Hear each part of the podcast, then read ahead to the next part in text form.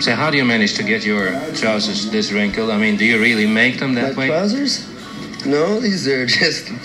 I just had them pressed last night. I don't understand.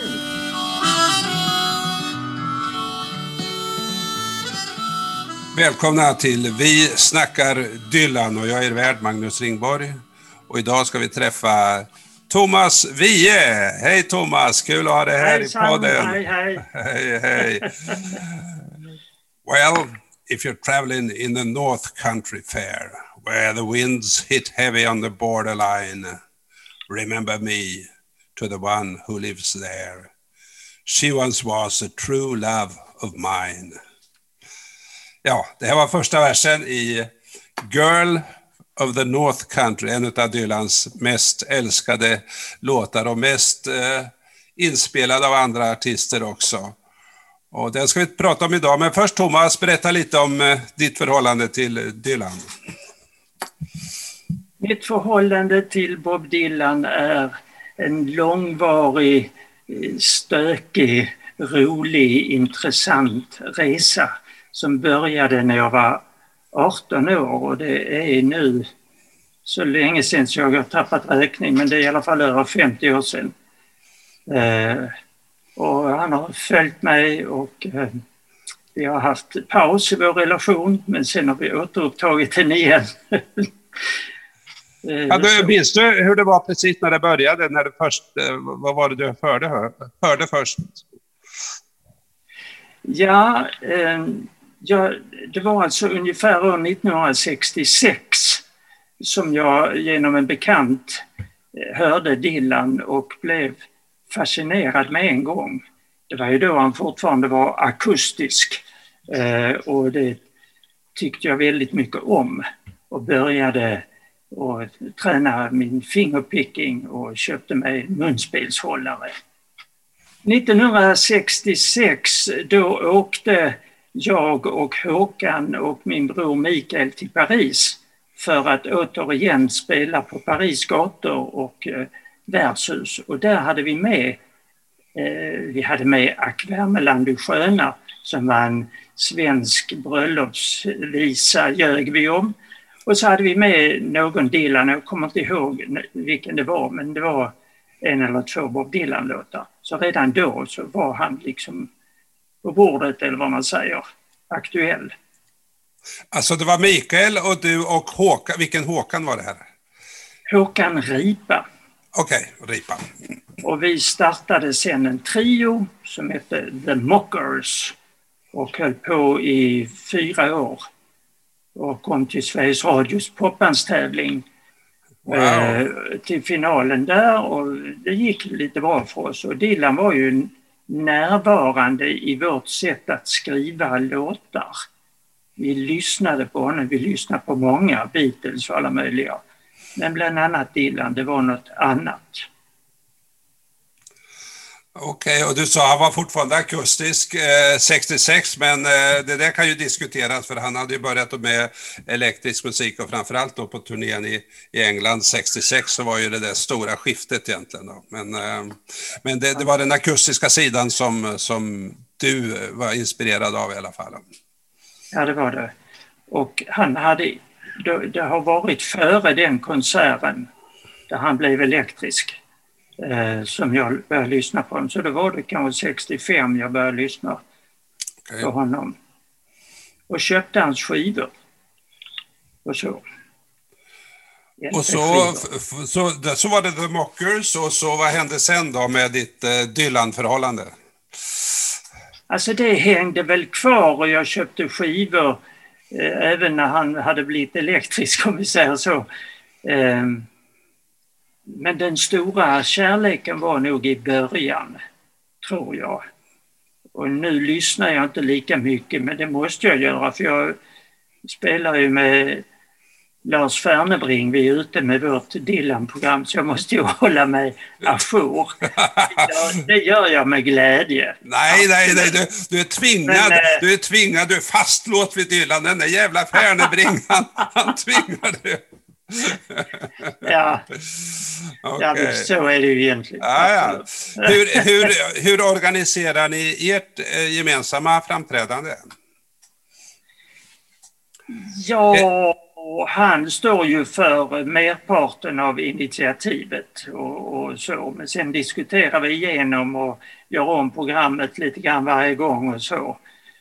Och eh, på scenen så ser man att i princip jag spelar gitarr och han sjunger.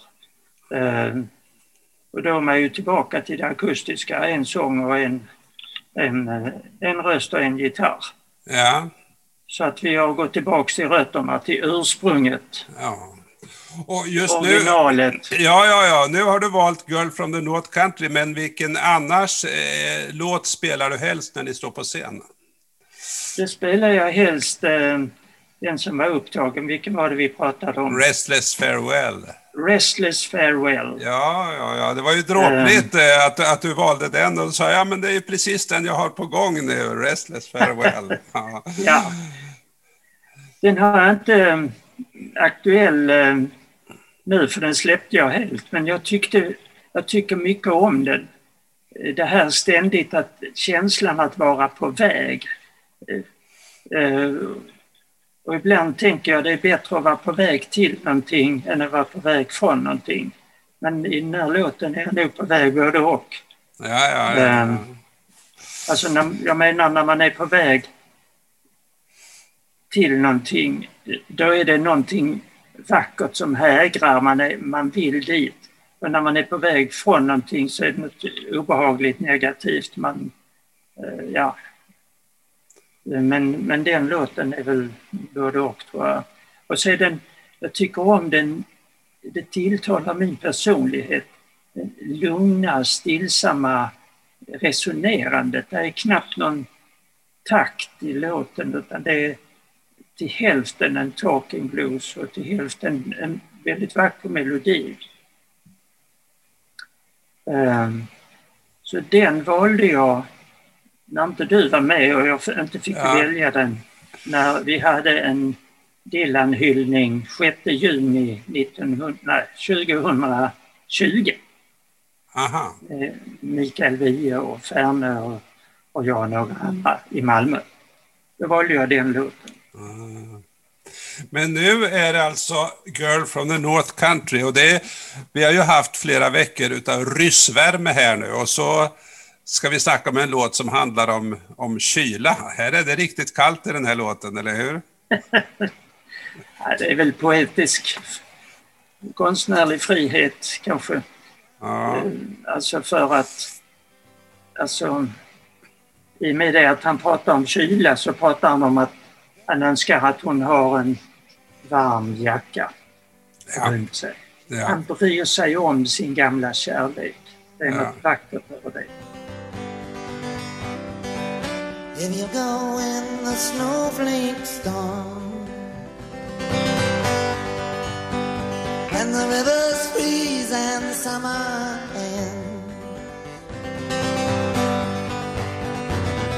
See for me if she's wearing a coat so warm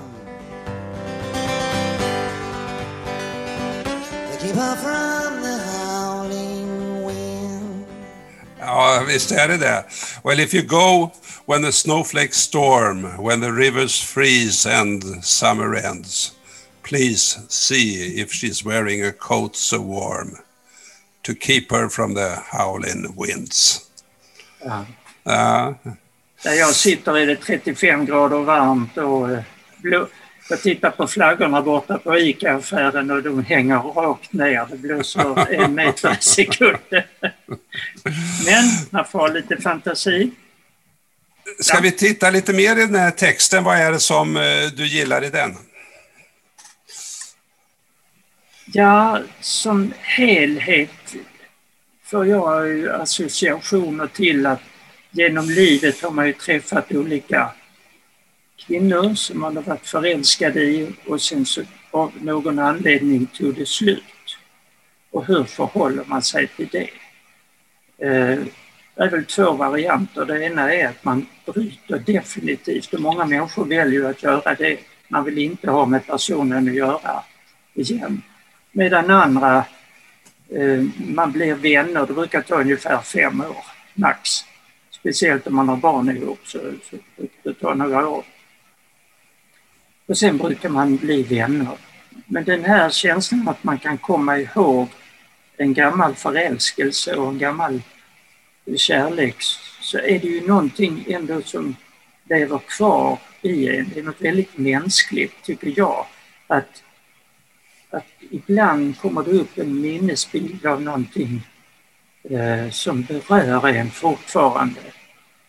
Och eh, det, är väl, liksom, det är väl det den handlar om. Och det, jag tycker det är lite vackert. Så, så när, när du hör den här, är det någon speciell flicka eller kvinna som dyker upp för dig eller är det mera känslan av minne och farväl och återkomst och sådana saker? Mm. Det, ja, det vet jag inte. Ja, det är nog både och. Men det är flera stycken i så fall som jag tänker på. Med värme och hoppas det går bra för dem och så vidare. Jag tycker alltså, om man tänker så här. Vem skriver dikter genom årtusendena? Ja, de flesta är män. Vad skriver de flesta män om när de skriver dikter? Skriver om kärlek. Vad skriver de om när de skriver om kärlek? Ja, de skriver om eh, hennes skönhet, hennes hår, hennes öron, hennes läppar, hennes, hennes eh, ja, hakan, nej, hakan i singularis, hennes eh, tänder. Alltså det blir väldigt eh, biologiskt, det blir liksom som en läkarbok. Eh, alla de här fysiska Eh, skönheten. Hur gammal är kvinnan? Ja, då är hon mellan 20 och 25. Liksom. Då står hon i full blom, det yttre. Men vem skriver om den kärlek, även om den är bara i fragment, eh, som kan komma vänliga tankar, kärleksfulla tankar till en? Ja, det gör Bob Dylan. Och det var lite nytt, i alla fall för mig, att man kunde skriva om kärlek på det viset. Eh, annars var det liksom det gamla vanliga, babbla kvartsstövlar och lite sånt. Okay. ja, ja du, du generaliserar, men det ligger kanske ja. någonting i det här. Här i tredje versen så, så beskriver han ju lite av det yttre. Va? Please see for me if her hair hangs long. Alltså då är det som att han skickar ut en besökare upp norr. Va? Ja. Och så är det som att han vill ha en rapport tillbaka. Hur är hon nu? Har hon fortfarande det långa vackra håret? Ja. Och, och, och ringlar det sig ner mot brösten? ah, berätta för mig om Please see for me for hair hangs long. Och så kommer det That's the way I remember her best. Så då är det som att det här är, det är rätt länge sedan det här. Han är, minnena är lite oklara och ja. Ja, han bryr sig. Han undrar ja. hur hon har det. Han har en minnesbild av henne med vacker utflökigt hår ner över brösten och så. Men i grunden är det ju att han bryr sig. Hur, hur mår hon? Hur är det med henne? Aha. lever hon? Är hon glad? Har hon hittat en, en livskamrat som hon trivs med? Eh, så läser jag in det, inte så fysiskt bara. I, I fjärde versen så, så kommer ju där I'm wondering if she remembers me at all. Many times I've often prayed in the darkness of my night, in the brightness of my day. Här låter det som att den här kärleken, det är inte bara att han bryr sig, utan den är oerhört stark längtan. Han, han ligger och ber på mörka nätter om att hoppas att hon minns mig. Men det kan ju vara det att, att inte bara att han hoppas att få tillbaka henne, utan att han önskar att hon har den här, vad ska man säga, känslan det goda ja. minnet utav honom och att det är det ja. som han ber om kanske. Ja, så tolkar jag det. Alltså det här, en kärlek, man vill ju gärna att en kärlek eller en varm tanke eller en omtänksamhet ska vara besvarad. Nej, men vi är inne i, i det verkligt centrala här nu då. eh, och, och, om, eh, alltså att, att kärlek kan det kan vara någonting på avstånd, goda minnen och, och, du har en slags relation som, som på något sätt lever i luften där och i, i dina minnen? Ja, ja, man vill ju att den ska vara besvarad. Som att bara gå runt där och är älskvärd i största allmänhet i sin ensamhet. Utan att eh, ja, han undrar eller han hoppas att hon också ska tänka på honom ibland. Alltså någon sa den, den högsta formen av kärlek är vänskap. Och det kan man väl se på äldre par, de som närmar sig 80, 90, 100 och har varit gifta i, sedan de var 18 och tycker fortfarande om varandra och är passionerat förälskade men på ett annat sätt. Det är inte kroppen så mycket utan de haltar fram där med sina kryckor och, och rullatorer. Men man kan se dem på avstånd bakifrån att de tycker om varandra. Ja, det är vackert. De pratar lika mycket, de lyssnar på varandra, de skrattar åt varandras skämt. Man ser det på hundra meters avstånd när människor tycker om varandra, hur gamla de än är. Och det, och det är kärleken liksom i en ny version som de kan inte tänka på när de är nyförälskade som 17-18-åringar. Och I femte versen så kommer han tillbaka till eh, början här. Va? So if you're traveling to the North Country Fair. Ja, men vänta, vänta, inte Ja. Han, han ber. Han ber dag och natt. Och det är skillnad ju på att be kort och att be långt. Det är stor skillnad. Eh, Så han, han ber både på natten och på dagen. Han ber både när det är mörkt och när det är ljust. Han ber liksom hela tiden, när han, så han ber väl inte hela livet, men när han är inne i, i, i den tankevärlden för henne, då ber han länge. Och det bön kan ju förändras om man ber länge istället för bara kort. Och det Wow. tycker jag är en, eh, en aspekt av det. Där blir han lite, eh, alltså han lyfter det upp till ett andligt plan.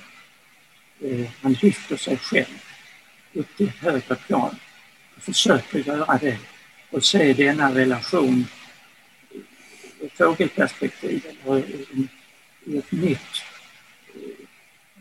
högre skimmer. Ja, ja.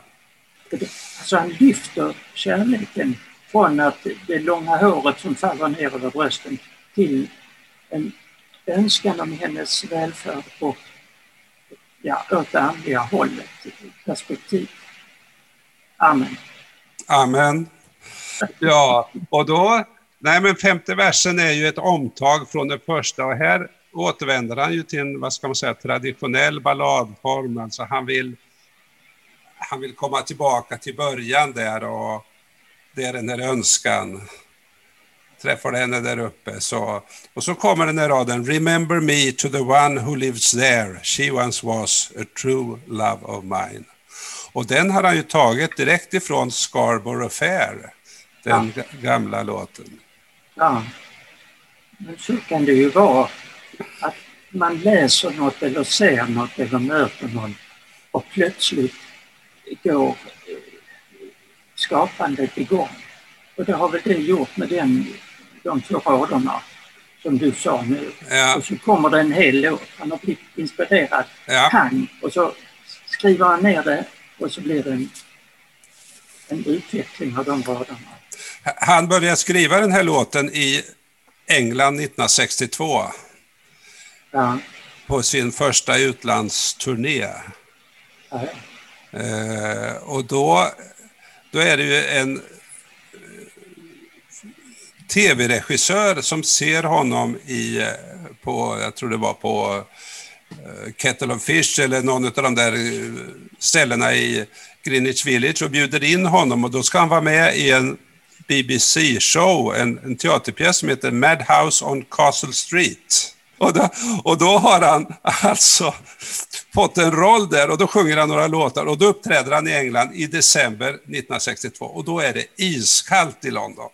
Det är den kallaste vintern de har haft på 100 år och det är fullt med snö på gatorna. Så det man kan ju tänka sig att... Och, och, och, och då är han ju också eh, separerad ifrån eh, Susie Rotolo som har stuckit till Italien. Jaha. Och, så, och han längtar uppenbarligen efter henne också och han skriver den här låten. Och då träffar han i London eh, Martin Carty som är sån här folkmusikguru i, i England vid den här tiden. Och han blir sen med i olika grupper, Steel Ice Band till exempel. Men det är hans arrangemang utav Scarborough Fair som dels Dylan tar upp här och som också sen eh, Simon Simon and Garfunkel tar upp sen i sin skiva. Ja. Are you going to Scarborough Fair? Parsley, sage, rosemary, and thyme. Remember me to one who lives there. For once she was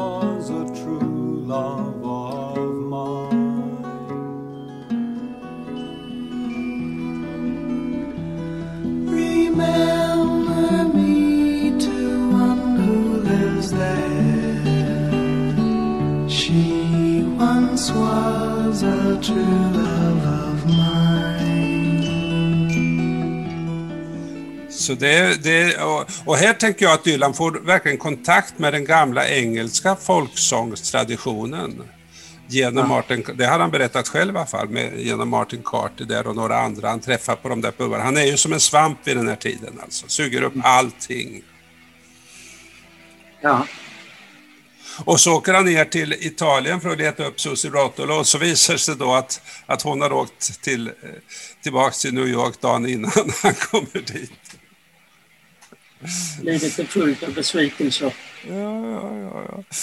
Så då kan man tänka sig att, att Susie Rotolo spelar en, en stor roll i den här, som bakgrund till den här låten. Men eh, det, det är ju en stor debatt, du vet, bland dylanologer. Vem är Girl from the North Country? Har du engagerat dig i det eller? Nej, jag har inte krävt i det. Eh, för mig är hon mer ett eh, fenomen än... Jag kan för lite, jag är ingen Dylanolog. Nej, och det är ju inte viktigt när man lyssnar på... Alltså det som händer, Nej. precis som när du berättar så starkt känslomässigt, det som händer med en och varför man gillar en låt, det är ju därför att det slår an mina strängar, mina minnen Ja. och vad det är för bilder som, som, som växer i mig. Så, Mm. så, så vad, vad som råkade vara, Dylans bakgrund är ju mindre viktigt, men för dylanologer så är det väldigt viktigt alltså. Och då, och då är det ju, förutom Sussurotolo så är det ju eh, två kandidater och det är Echo Hellström och Bonnie Beecher. Så Echo Hellström, eh, det var den här blondinen som såg ut som Brigitte Bardot. Och, eh, uppe, i, uppe i Hibbing alltså. Och, eh, och Bonnie Beecher, hon eh, träffade han i eh, Dinkytown när han var nere i Minneapolis och St. Paul. Vi lyssnade i The Mockers naturligtvis också mycket på Simon Garfunkel. Ja, Jag tror vi hade, jag tror vi hade Scarborough Fair på vår repertoar. Jag är inte helt säker, men det, vi borde ha haft den i alla fall. ja för den kom väl eh, 66, 67 också, deras Ja, där någon eh, gång. skiva. Och vi höll på fram till 70, 71. Mm. Att, eh, ja. Du, eh, han har ju sjungit den här med Johnny Cash. Vad säger du om det? En underbar sångare. Annars har jag ingen speciell uppfattning om Johnny Cash. Men eh, det är väl. Det hade jag själv gärna gjort. Sjungit med Johnny Cash. Ja, men, men för Eller mig... kanske inte, kanske inte när jag tänker efter. Då framstår man ju med sin skraltiga röst som inte den karur som man tror man är när man står i duschen. Ja, ja. Nej, men det, det var ganska märkligt. Eh, det är ju Nashville Skyline när den kommer. Så har han ju med, för Girl from the North Country är med på Freewheeling, Bob Dylan. Och sen här är ju långt senare så tar han upp den igen med Johnny Cash och det är förmodligen för att Johnny Cash älskar den. Och då möts de här giganterna, båda två var ju legender vid den tiden. Och det är som när man ser dem på video sjunga de här ihop, Dylan är med på Johnny Cash show Och, och, och, då ser han ut, han är inte den där tuffa hipstern då som han var på 60-talet, utan då, då är, ser han ut som en liten skolpojke igen. Han är ju familjefar uppe i Woodstock. Och han sjunger med en mjuk Kermit-röst alltså, som man inte känner igen. Vad är det? Ja, men han låter som Kermit! If you're traveling in the North Country Fair, where the winds hit heavy on the borderline. Och, och, och Johnny Cash, han är lika imponerad av Dylan. Så han, han eh, låter lite skakig och sökande och så sitter de där två och, och liksom försöker hitta något. Och det, för mig låter det inte bra alltså, men många älskar ju den där. Ja, ja, ja men det, det, är lite speciellt för att det, det, det var ju det, en bild av Dylan som förändrades då va, när han kom med Nashville Skyline. Han hade varit borta ja. från scen, han hade varit borta ett tag och så kommer han med... Vilket år var detta? Ja, 1970 tror jag det är. Alltså. Jaha. Jag tror det. Nej, men han har ju ändrat skepnad många gånger. Hela och tiden. Han har, han har ju kommit tillbaka. När man talar om eh, målande konstnärer, då sa de sin gula period och sin blå period och sin depressionstid och sin religiösa tid och så vidare. Och så vidare. Och det har väl Dylan också gått igenom en väldig massa olika. Men på något märkligt sätt så landar han på alla fyra ja. hela tiden och hans popularitet är stabil. Även om många eh, säger eh, andra saker och har slutat lyssna på honom och så vidare. Så, så har han ju en jättepublik. Men när man går tillbaks till den här låten då är det ju den, den aspekten av kärlek när man är längtande, sårbar, lite ödmjuk, eh, undrande, lyckönskande, bedjande. Eh, han gör sig liten i den här sången. Ibland gör han sig väldigt stor.